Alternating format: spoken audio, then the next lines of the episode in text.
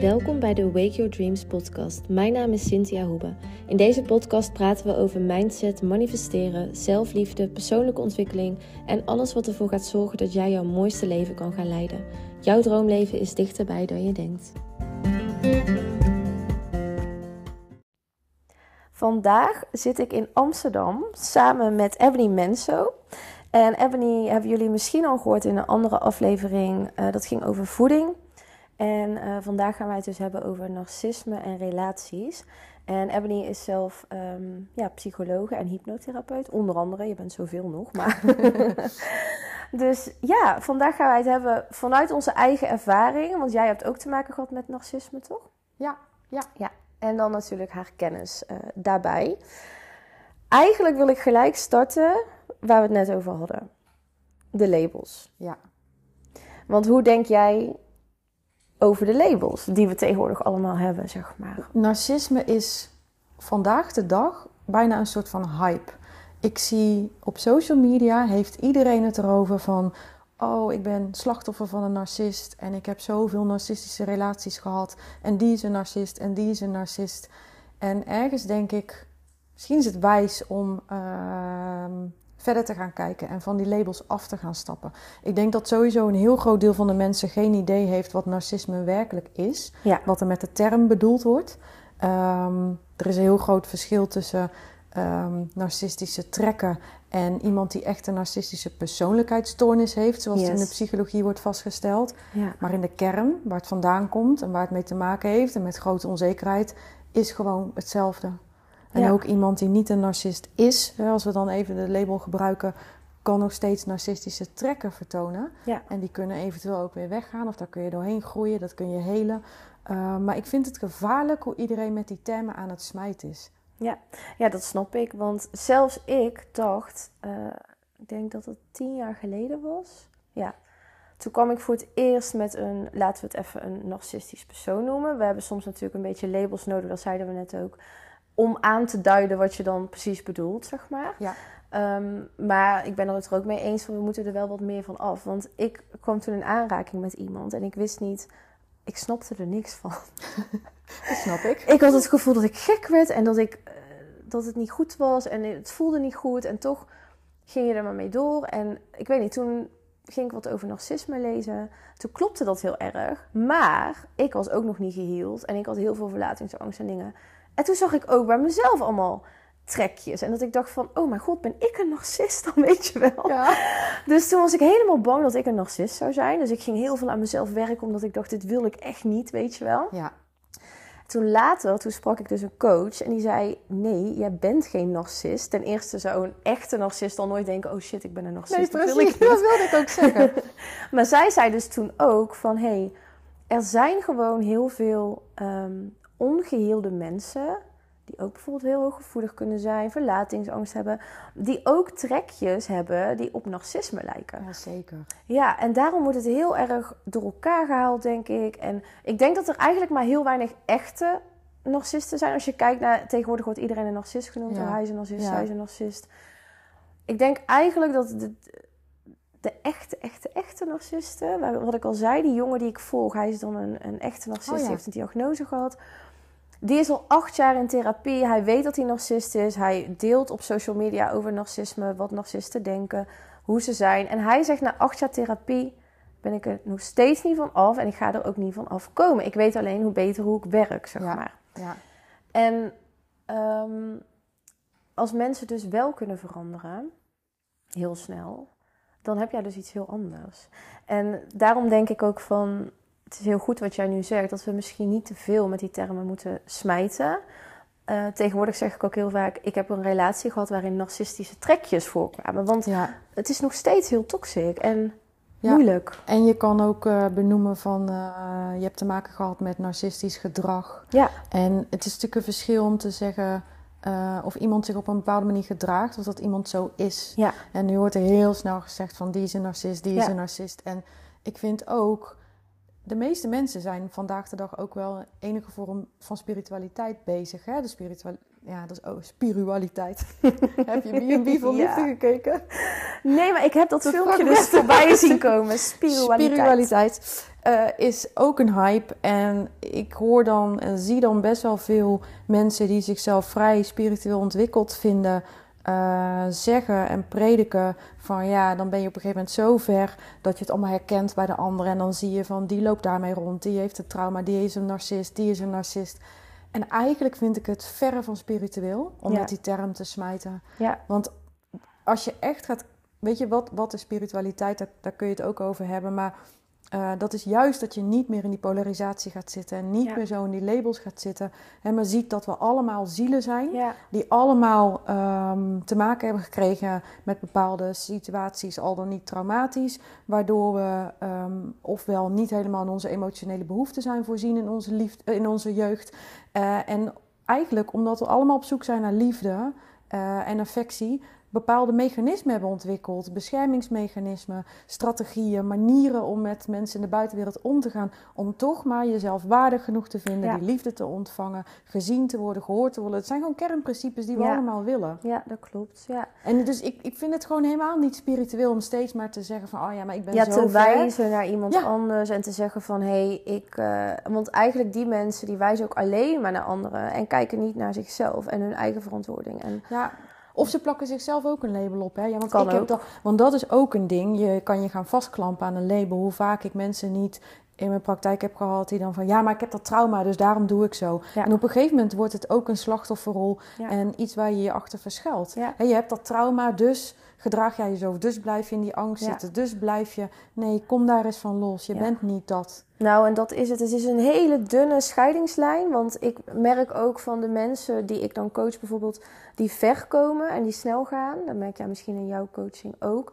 Maar die dus snel gaan, dat zijn altijd de mensen die zeggen: Ja, ik heb dit trauma. Of ja, ik heb met dit te maken gehad, met een narcist of wat dan ook. Dus ze hebben wel een label. Maar Ja. ik wil me daar niet meer mee identificeren. Ja. En vaak ehm, vergeven die mensen ook snel. Dus eh, wat ik ook in mijn vorige relatie heb gedaan, kijk wat daar ook aan de hand was. Ik heb altijd gezegd van, ik kan hem niet de schuld geven. Het is mijn verantwoording bij bepaalde dingen. En ik heb ook ongeheelde stukken, waardoor, Ja. er, waardoor ik ook dat weer heb aangetrokken.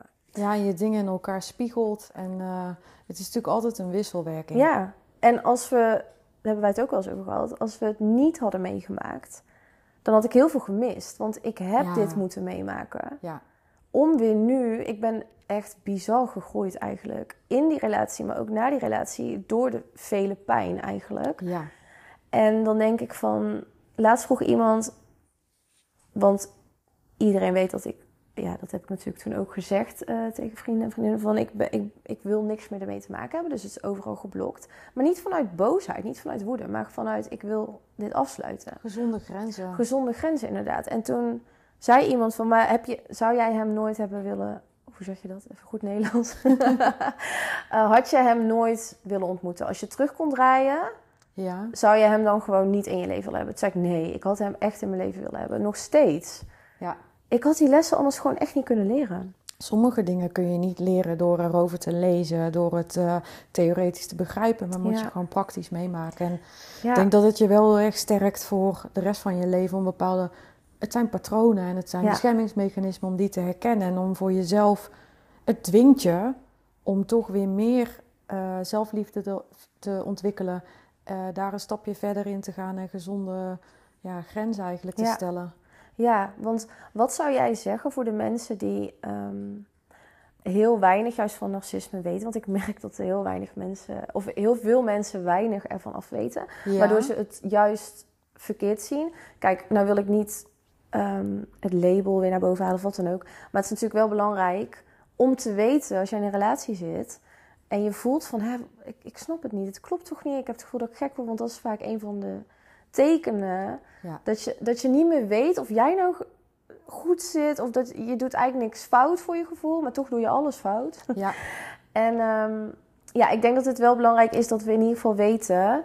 Ja, misschien hoeven we het dan niet narcisme te noemen. Maar hey, wat is nou zo, zo toxic wat je soms zelf misschien niet doorhebt? Ja, En ik denk, weet je, even voor het gemak kunnen we die term wel gebruiken. Want dan begrijpen we wel waar jij en ik het over Waar we het hebben. over hebben, dus voor nu is het hè, in die zin even makkelijk om het wel te doen. Maar als je echt jezelf afvraagt van... Hey, zit ik in een relatie met iemand die narcistische trekken vertoont... of zelfs de narcistische persoonlijkheidsstoornis zou kunnen hebben... Ja. eh, en je weet er te weinig van... zou ik je persoonlijk adviseren om daar ofwel eens direct met een coach of psycholoog over te praten. Hè, en die kunnen het je precies vertellen. ja, Eh, er zijn ook heel veel websites waar je kan lezen wat nou echt eigenlijk de diagnose inhoudt. ja. Eh, daar krijg je een goed beeld van. Hè. Dat is vaak vanuit eh, allerlei psychologische websites die dat goed kunnen vertolken. En in eerste instantie misschien juist een beetje wegblijven ja. bij allerlei forums, social media kanalen waar iedereen helemaal losgaat op elkaar. Ja, je kan beter bij een expert gelijk zitten eigenlijk. Ja. En kijk, waarom ik het ook zo graag wil aanhalen... het is niet omdat ik het verleden wil oprakelen... maar ik wil het aanhalen omdat ik niet doorhad waar ik in zat. Ja, Ik, als ik dit eerder door had gehad... als ik had gezien wat dit was... dan was ik veel eerder weggegaan... en Ja. dan had ik mezelf heel veel pijn kunnen besparen. En nog steeds had ik dan dezelfde lessen geleerd... maar dan was het veel korter geweest, Ja. zeg maar. Dus daarom wil ik zo graag met jou hierover praten, omdat ik merk dat heel veel, ehm, vaak vrouwen, ik wil niet, geen, het kan ook mannen zijn, maar ik hoor het in ieder geval Nee, heel veel van ja, vrouwen, ja. dat ze gewoon niet zien dat ze dan tegen mij zeggen: Ik voel me zo ongelukkig en ik weet niet wat het is en hoe kan het nou? En dan vraag ik wel eens naar hun relatie en dan hoor ik dus precies dezelfde dingen als die ik heb meegemaakt. En dan denk ik, ja, ik, ik, ik zie het nu heel goed, maar ik snap jou zo goed dat jij helemaal niet ziet dat dit eigenlijk heel toxic is. Nee, klopt. Want dat is eigenlijk ook een soort van superpower en kwaliteit van iemand met narcistische trekken of Ja. wel een narcist. ehm, dat hij jou het gevoel kan geven dat jij gek bent. Ja. Of dat jij eh, je aanstelt. Ja. Of dat je het allemaal verkeerd ziet. Hè? Ook dat stukje gaslighting. Zo, en, ja. eh, het is, en dat doet die persoon vaak niet eens bewust. ja. Dus voor die persoon is het gewoon een soort van eh, natuurlijke staat om zich zo te gedragen. En, en jij hè, wordt steeds kleiner en steeds ongelukkiger in die relatie, je hebt het niet door. Eh, dus hij kan je waarschijnlijk ook niet vertellen van... hé, hey, weet je wat, dit zijn mijn patronen, omdat ik zoveel pijn heb van binnen. dit is wat ik bij jou doe. Ja, en daarom ja. heb jij nu, ben je in de war. Ja. Nee, zo werkt het niet. Dus ja, als je het voor jezelf... Als je, als je maar, weet je wat het is? Als je gewoon een, eh, in je relatie een naar onderbuikgevoel hebt... En het kan zijn dat er een paar keer zich een situatie heeft voorgedaan waarin je echt een nare vibe kreeg van de ander. Eh, dat zijn wel echt rode vlaggen. ja, En dan, dan is het echt, dan kan het geen kwaad om daar gewoon eens over te gaan lezen wat die diagnose inhoudt. eigenlijk inhoud, ja. Want het is echt dan dat je op een gegeven moment gewoon op je tenen gaat lopen. Geen dingen Ja. meer gaat zeggen, geen dingen meer gaat doen. Omdat je gewoon weet dat de ander dan of de silent treatment gaat geven... Ja, of agressief wordt... of ehm, dingen gaat zeggen tegen je... waardoor jij weer denkt dat jij gek bent... en dat het Ja. allemaal niet klopt. Ik dacht op een gegeven moment dat het oprecht... dat ik echt niet goed bezig was met mijn werk bijvoorbeeld... Eh, omdat die ander dat ehm, zag als... Ik, kijk, dat is heel... Ja, mijn werk is gewoon heel veel licht brengen in de wereld. Eh, ja, ik ben volgens andere mensen... Ik vind het dan al stom over jezelf zeggen... maar anderen zeggen dan... Ja, je bent super succesvol hierin. Maar dat, own it. Own it, girl. Ja, en dat, maar dat, hier zie ik heb nog een beetje ervan...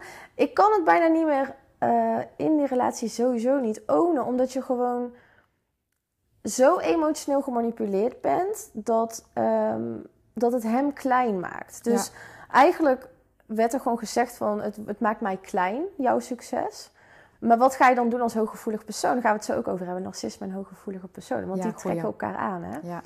Als hooggevoelig persoon zet je altijd bijna standaard de ander op één. Dat is echt iets wat je moet afleren. Maar dat is wel hoe het gewoon is. Dus dan ga je toch, bewust of onbewust, ga jij anders ehm, reageren. Ga jij anders gedragen. Ga jij anders...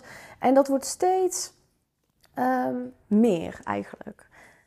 En ja, narcist, want dat vroeg ik me dus toen af. Want ik kwam heel veel meiden tegen die ook allemaal een eigen onderneming hadden. Was ook weer zo toevallig, maar niet heus. Dat is Ja. natuurlijk de wet van aantrekking. Heel veel meiden met, die succesvol waren, eigen onderneming. En allemaal een super toxische relatie hadden. Alleen wij wisten dat niet. Dus wij komen met elkaar in gesprek. En in één keer dacht ik: wow, wacht even. Dit, Feest ter herkenning. ja, dit is echt gewoon van. Maar wat is dat? Want hun waren en hooggevoelig en succesvol. En al die mannen heel onzeker. En ehm, narcistische trekjes. Die twee, die trekken elkaar zo erg aan. Ja. En wat is dat dan, hè? Ja, logisch ergens, want we hebben allemaal een beetje een... eh, er hangt een hele negatieve lading om narcisme heen. Hè? Ik bedoel, narcisten zijn slecht en eh, zijn evil mensen en toxic. En eh, als je... Ze ook een hele lieve kant hebben. Maar ik weet niet of dat, of Kijk- dat echt is of dat dat... Nou ja, Ja, laten we het zo zeggen. Je wordt als baby... ehm, word je niet als een ras echt een narcist geboren. nee toch? Het zijn lagen van bescherming die je op een gegeven moment ontwikkelt en ja, over je heen krijgt. Een hele hoop lagen. En ehm, het heeft natuurlijk alles te maken met een diepe, diepe, diepe eh, gevoelens van te weinig eigenwaarde en zelfliefde. En dat, Wat je nu zegt, even snel hoor, ga ik even op inhaken. Want dat, wat je nu zegt, van het heeft te maken met diep, intens gevoel van eigenlijk weinig zelfliefde en zichzelf zo klein maken. Dat was ook echt zo'n rode draad eh, als ik zo Ja. iemand tegenkwam. Van dat, ehm, dat eigenlijk, hoe kleiner ze mij maken, hoe meer ik ongelukkig was, ja. hoe beter zij zich voelden. Ja, maar natuurlijk. Want als jij jezelf, je moet je voorstellen dat je een, een en het ook niet goed je daar bewust van bent, hè, want dan zou je er nog van los kunnen komen. Maar eh, de narcist, om even de term te gebruiken, die eigenlijk diep van binnen super beschadigd is, zich eh, bijna niet waard voelt om hier een plekje op aarde te claimen, om bestaansrecht te hebben, om er te zijn. Ehm, een groot gebrek aan, aan eigenwaarde en zelfliefde, voelt zich super klein. Voelt zich zo klein Ja. dat de strategie die hij bedacht heeft, of zij, hè, waar, overal waar ik hij zeg, mag ook zij, voordat Ja. we daar problemen mee krijgen, Ehm, ehm, dat hij zich zo klein voelt dat de strategie is om de ander Klein zich nog kleiner te laten Zodat voelen. hij zich weer- Zodat jij, dit is Calimero toch? Zodat Ja. jij iets groter bent. Zodat je zelf het gevoel hebt van dat je er toch mag zijn. Ondanks dat je je zo super Ja. klein voelt en eigenlijk zo weinig van jezelf houdt. En het is, is, het een, is het een gemene, slinkse, eh, toxic manier zou je kunnen zeggen. Ja. Of het is geniaal bedacht. Ja, je weet het dan gewoon niet, hè? En wat ik het enge vond, echt, echt heel eng, dat ik niet heb gezien dat het elke keer eh, heel bewust ik kleiner werd gemaakt. Ik zag dat pas Ja. daarna. Ja. Toen ik uit de bubbel kwam, uit de hersenspoeling, uit de emotionele manipulatie. Ja, omdat het vaak, eh, om- omdat die mensen vaak ehm, dingen gebruiken die eh, zo klein zijn. Nou, het zijn ehm, hè, de situaties die zich voordoen en de, de conflicten en de zijn vaak voor de ander te klein om daar eh, direct over te vallen en dat te benoemen. Dus dan Ja. kan je heel erg bij jezelf denken van ja, ik wil niet al te moeilijk doen om dit dingetje, want ja, het was maar zus of het Ja, was maar ja. zo. Dus op zichzelf staand is het dan te klein om er een issue van te maken. Maar al die dingen bij elkaar, en als dat dagelijks herhaald wordt, en dat zit hem in allerlei verschillende dingen, en dat doe dat weken, doe dat maanden. En je hebt een hele stapel aan dingen die jou eigenlijk afbreken in je eigen waarde. Ehm, dus het gaat ook heel subtiel. Zo subtiel Ja. dat je het bijna niet merkt. Ja, en dat vond ik toen ik al die vrouwen spra- sprak, toen we er eigenlijk achter kwamen van, oh shit, wij moeten hier weg. Ja. Het waren ook allemaal vrouwen die ik helemaal maar vaag kende, weet je wel. En, en die kwamen allemaal samen en het leek wel, ja, dat is gewoon een soort van de bedoeling, denk ik dan ook. Dat trek je dan natuurlijk Ja. aan op dat moment. En ehm, het is zo subtiel, iedereen schaamde zich dood. Omdat Ja, je en dat denkt, hoeft dus niet. Nee, want achteraf denk je, ik ben toch slim, ik ben toch Ja. niet zo dom en ik heb hier toch kennis van en wat gebeurt mij hier nou? Ja, dit overstijgt intelligentie. Want het is gewoon, Ja. nogmaals, ik eh, draai hem om hè, in plaats van narcisme als een soort van. Het is een superpower. Het is alleen eh, onprettig en heel ongezond vaak. Hè, maar het is ja. vanuit die persoon gezien, Ja. is het een superpower. Want het is gewoon ehm, bijna ongelooflijk wat zo iemand voor elkaar kan voor elkaar krijgen. kan krijgen bij de meest slimme Ja. mensen. Ja. En ik heb ook die, ja, hun waren ook naar, ze hebben allemaal ongeveer een jaartje die relatie gehad. Allemaal gezondheid helemaal naar de kloten. Ja. Bedrijf, heel slecht. Vrienden, vriendinnen, familie. Het zuigt energie. Het zuigt zoveel energie. En ik dacht dus, want ik had allemaal burn-out klachten. En, en mijn lijm ging super slecht. Ik zat zo in die hypnose dat ik gewoon dacht Ja, dat het door mijn werk kwam. Dat ik mijn werk niet meer leuk vond. ja, Want dat werd mij ook verteld elke keer. Als ik dan dacht van, hé, maar dit zit niet goed in de relatie. Nee, nee, nee, maar jouw werk en dit en dat. Oh, ja. en, dan werd, en dan ging ik op een gegeven moment na urenlang dat allemaal opgenomen te horen. Dacht ik, ja, misschien zit daar wel wat in. Ja. Misschien is het dan toch mijn werk. Bijna mijn bedrijf willen wegdoen. Wauw. En dan kom je uit die hypnose, want er gebeurt altijd bij iedereen, ook al die dames, zeg maar. Er gebeurde één groot ding. Ik ga niet zeggen wat het is, want dat is gewoon lullig tegenover de dingen. Maar het, het gaat erom, er gebeurde één heftig iets Ja. waarop je opeens wakker wordt. Waarop je opeens denkt, wat de fuck zit ik in? We hebben allemaal zo'n punt. Hè? Ja. Dat wat, ik vraag ook heel vaak aan mensen in therapie van... eh, wat moet er voor jou gebeuren om eh, dat de grens bereikt is? Ja. We hebben allemaal ergens een grens liggen. ja, ja. Maar wat, terugkomend op eh, dat heel veel HSP'ers gevoelig zijn voor een relatie met een narcist. Ja, waarom? Omdat de narcist iemand zoekt die zich ook klein laat maken. En laten mensen die HSP zijn, waaronder jij en ik, eh, nou super gevoelig zijn om ons over aan te passen op de ander. Mm, ja. Want we zijn zo afgestemd ja. en we nemen zoveel waar en we nemen zoveel sferen en spanningen in ons op. En we voelen het feilloos aan. En wat gaan we doen? In die zin onszelf een beetje Ja. ja. ja, over onze eigen grens heen. Om ons aan te passen op de ander. En dat is aan de ene kant een superpower. Ook. Als je het bij de juiste persoon zou doen, want die Ja, houdt en als je je eigen grenzen erg gezond kan, kan bewaken. Dus eh, ja, je, kan je, je, mag, je mag je best aanpassen en meebewegen. Ja. Maar niet ten koste van je eigen gezondheid of je eigen grenzen. Nee. nee, want eigenlijk als HSP'er, ehm, als jij lief hebt, dan heb jij ook heel diep en intens lief. Dus, dus als iemand zich rot voelt, dat is die manipulatie, die emotionele manipulatie, zich, Ja, zich rot voelt omdat jij... Echt, als ik er terug over nadenk, wat fuck. Maar stel je hebt succes of er is iets in je leven, iets goeds of iets leuks. En diegene voelt zich dan rot omdat jij dat leuke hebt. Dan, dan vind jij dat zo erg ja. als HSP dat je denkt, ja, ik, volgende keer moet ik dan misschien toch maar anders doen. Maar eigenlijk ga je dan nog kleiner maken, nog kleiner maken. Ja. En dan ga je zo je grenzen over. Oh ja, dat was wat ik wou zeggen. Geen enkele narcist of persoon met narcistische trekjes, laten we het zo zeggen, heeft macht over je. Daar ben ik dus nu wel achter. Als jij daar niet toelaat. En Nee. dat is het hele punt. Dat was dus mijn grootste leerles. Ja, maar dat is ook de, ja, dat is eigenlijk een, een, een cadeautje wat je hebt gekregen. Ja, Weet je, ik draai dingen om en mensen komen met de meest heftige trauma's bij mij en ik probeer het te herkaderen Mhm. naar eh, hoe kan je zien dat dit jou eh, verder heeft helpen groeien in het leven.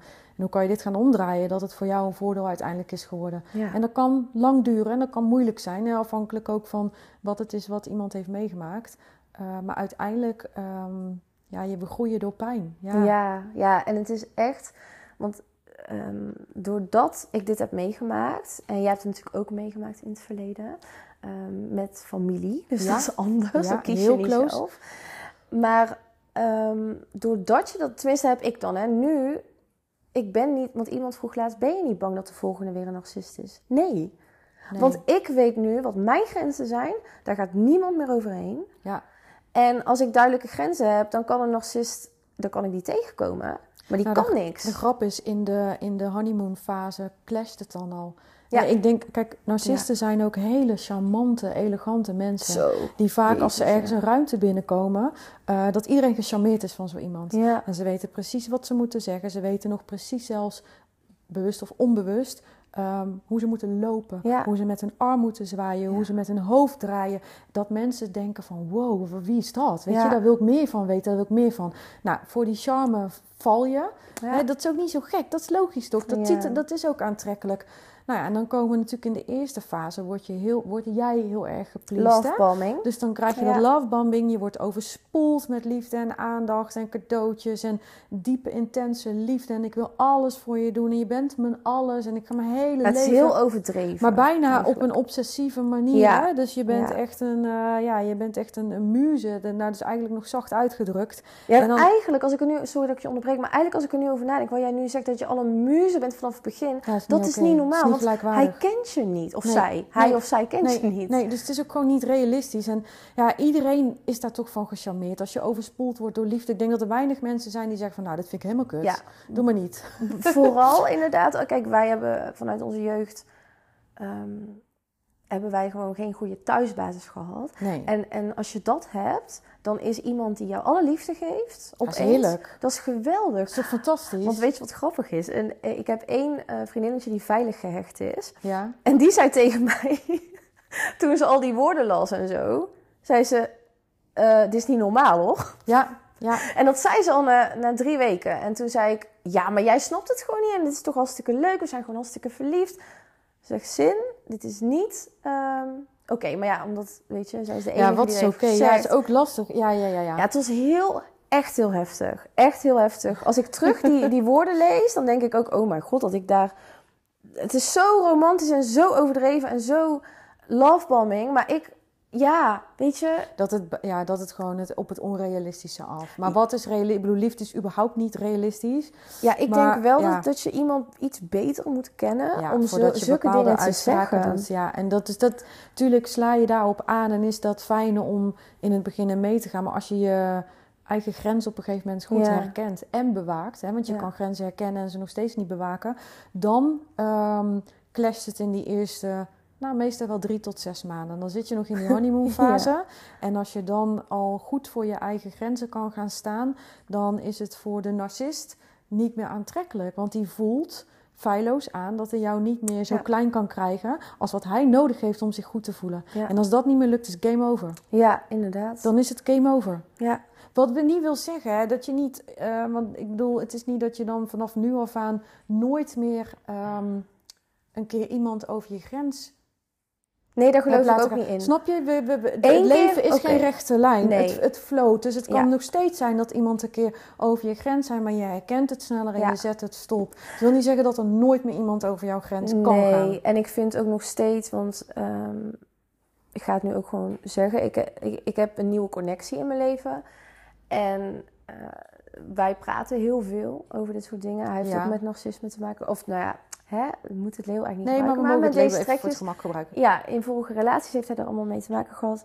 Dus, eh, want nu we het over grenzen hebben, wij hebben nou hele harde grenzen. Nou ook, ook uitgesproken. Maar nog steeds is een, wij allebei zijn er een keer overheen gegaan.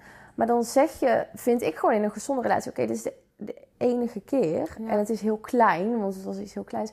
En dan kijken hoe die ander reageert. Want bij narcistische mensen heb ik dus eh, gezien, of met die trekjes, als ik dan een grens aangaf, dan, ging, dan zei diegene gewoon van, eh, ja, dit voelt echt niet goed voor mij, dat je Ja. deze grenzen. Ik vind gewoon, ik vind eigenlijk gewoon dat ik nog weer ik, ik dit nog mag doen, of Ja, ik dit nog kan het doen. weer om die persoon draait. Weer om die persoon. Ze draait Ja. altijd terug. Terwijl een gezond, dat merk ik nu ook bij deze connectie, dat is gezond. En dan zeg ik mijn grens en dan eert hij die. En dan vindt hij ook... Dus de volgende keer toen het gebeurde, toen had hij zelf die grens voor mij al. Terwijl ik hem nog niet eens door had. Oh. Maar hij stelde die grens al voor mij van... Hé, hey, luister, jij wilde toch graag dit, dan moeten we het ook wel zo doen. Want dit is jouw grens. Ja. Ik wilde er zelf overheen gaan, zeg Ja. maar. En eh, daarom zie je nu zo goed het verschil. En ja, wat jij ook zegt van... ehm, eigenlijk... eh, hoe wil ik dit nou? Soms heb ik even de woorden niet hoor. Maar ehm, als we gewoon het, het, het label in ieder geval loslaten. Dus we kunnen het wel gebruiken om aan te duiden wat we willen. Maar als we het label loslaten. En je gaat vertrouwen op jezelf. Gewoon op jezelf. Van welke grenzen heb ik? Waar wil ik niet overheen gaan? En ik denk ook dat mensen die met narcissistische mensen te maken hebben, dat die vaak ook verlatingsangst hebben. Want ze kunnen maar niet weg. Ja. En ehm, ik wilde net inhaken op iets wat je zei. Nu ben ik hem kwijt. Ehm, shit. Ja, wij gaan nou? ook zo van de hak. Nee, maar ik denk wel, ik denk dat het goed te volgen is voor mensen hoor. Eh, ja, daar heb ik zelf meer in mijn hoofd dan altijd. Eh, wat zei ik over narcisme? eh, dat het een label, dat we dat moeten loslaten. Oh ja, dat. Kijk, dit is natuurlijk het lastige. Als jij überhaupt vatbaar bent voor een om, nou ja, om even tussen aanhalingstekens slachtoffer. Hè? Want uiteindelijk eh, ben je verantwoordelijk voor je eigen leven en je eigen ehm, ontwikkelingen. Mag je ook uit die slachtofferrol stappen. Maar dat even terzijde. Als jij daar gevoelig voor bent, dan is jouw innerlijke kompas om die grenzen te herkennen en te bewaken waarschijnlijk nog niet goed genoeg ontwikkeld. Anders Nee. was je nooit slachtoffer geworden. Ja. Dus ik denk dat in die zin eerst bij iemand flink over de, nou niet flink, of dat er over eh, zijn of haar grens wordt gegaan.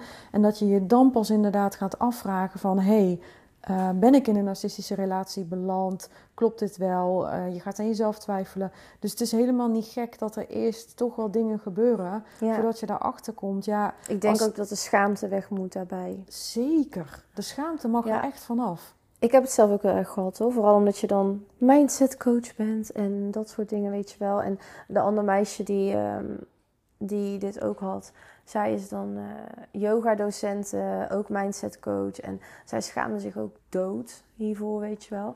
En wij allemaal. En toen dacht ik echt van ja, dit, eigenlijk die schaamte maakt het misschien nog erger. Want als je er middenin zit, wat ik al zei, je, kan het, je ziet het niet, je ziet het niet. En het is zoiets raars. En Achteraf denk ik ook, hoe dan? Hoe kan je dit niet zien? Maar, ja, hoe dan? Ja, kijk, als je het eenmaal weet, maar dat is nu toch met alles, alles, in het leven. Als je het eenmaal weet en ziet, ja, dan kun je het niet meer ontzien en dan zie je het ineens. Maar ja, zo, zo werkt het leven nou eenmaal niet. Nee, dus we hebben, we hebben door schade en schande worden we wijs en door pijn groeien. En ik denk dat dat ook nodig is. natuurlijk is het naar en vervelend en heel pijnlijk geweest als je hè, lang in zo'n relatie hebt gezeten en God weet wat hebt meegemaakt.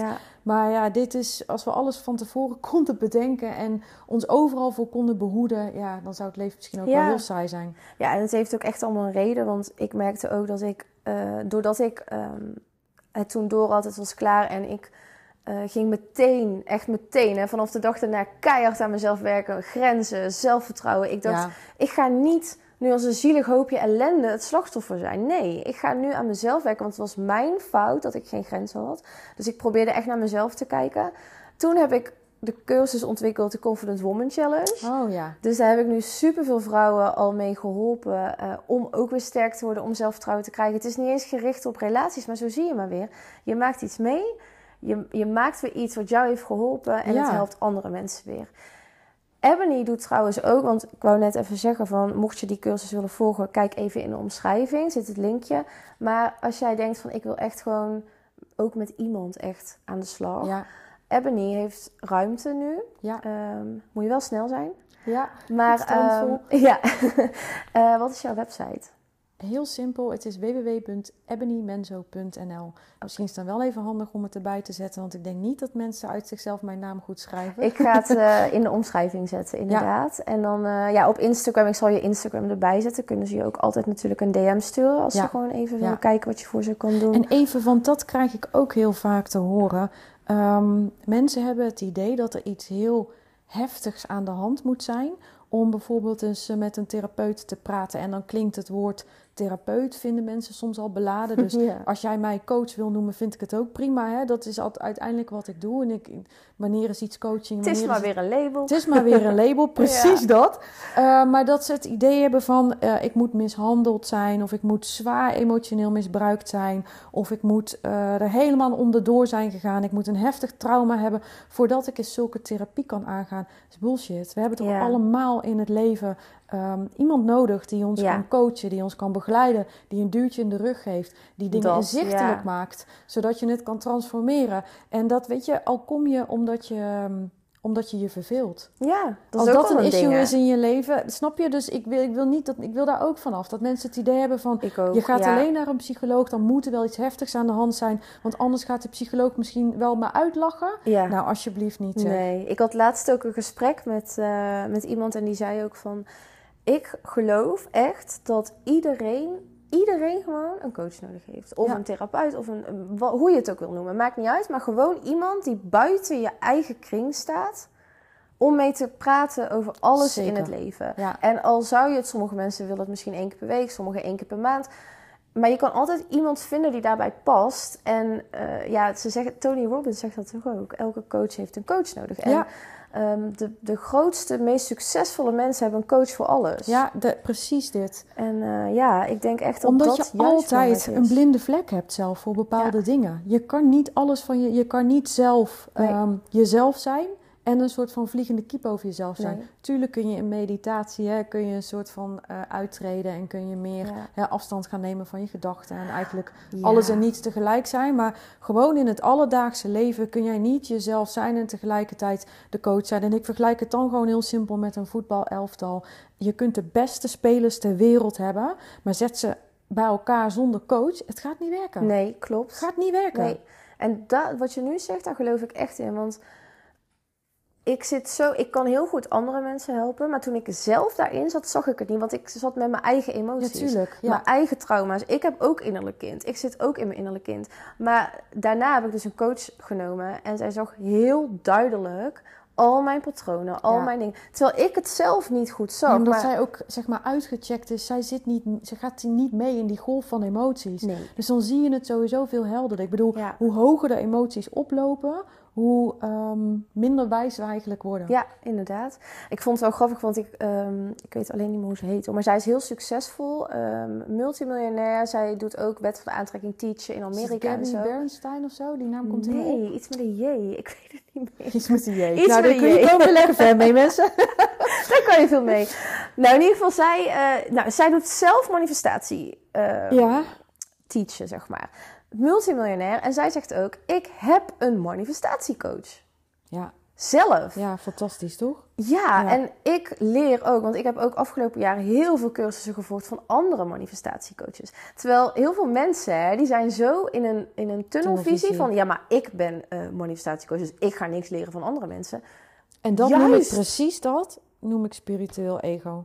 Ja, dat is het ook. Spiritueel narcisme. Nee, we gaan niet, eh, niet- Nou ja, oh, dat gezegd hebbende, daar is, ik bedoel, in de spirituele wereld, als je het hebt over eh, hè, mensen die retreats geven en een soort van tussen aanhalingstekens eh goeroe zijn of als goeroe gezien worden, of een soort van naar hun idee heel ver zijn. Dit is natuurlijk een heel gevaarlijk grijs gebied, hè? Want ja, ja daar vindt heel veel. ehm, vinden heel veel narcistische trekken in plaats En en? Die sectes ook vaak, hè? Die Ja, spirituele Misschien is het goed als we aan het einde, of eh, dat maakt me nog niet uit wanneer, maar ehm, dat ik nog wat uitleg over de criteria van de narcistische persoonlijkheidsstoornis. Zullen wij eh, een part 2 maken dan? Ja, misschien is dat een hele mooie om een part 2. Ja, Ja, want ik zie ook dat ik niet al te laat, dan kunnen we nog even eten en dan moet ik eigenlijk alweer naar huis. ja. Of moet. Moet helemaal niks, maar...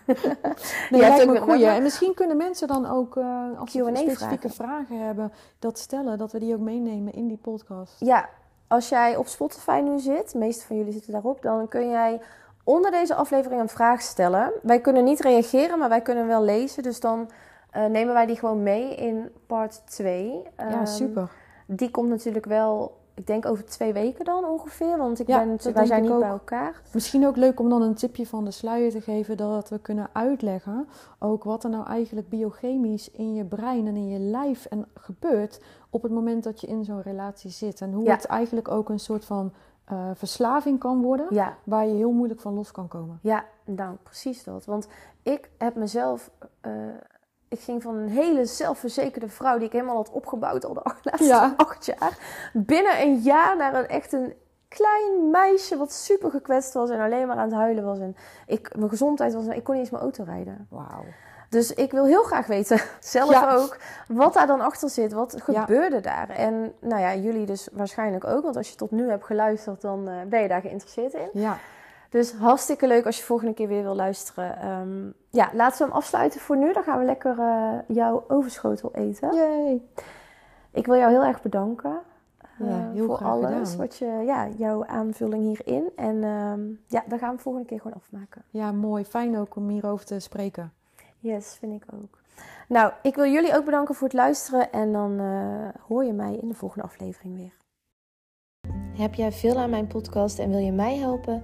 Laat dan een review achter of deel het via social media en met je dierbaren. Samen kunnen we veel meer bereiken dan alleen. Ik waardeer jouw support en liefde enorm. Ik wens je vandaag een hele mooie dag.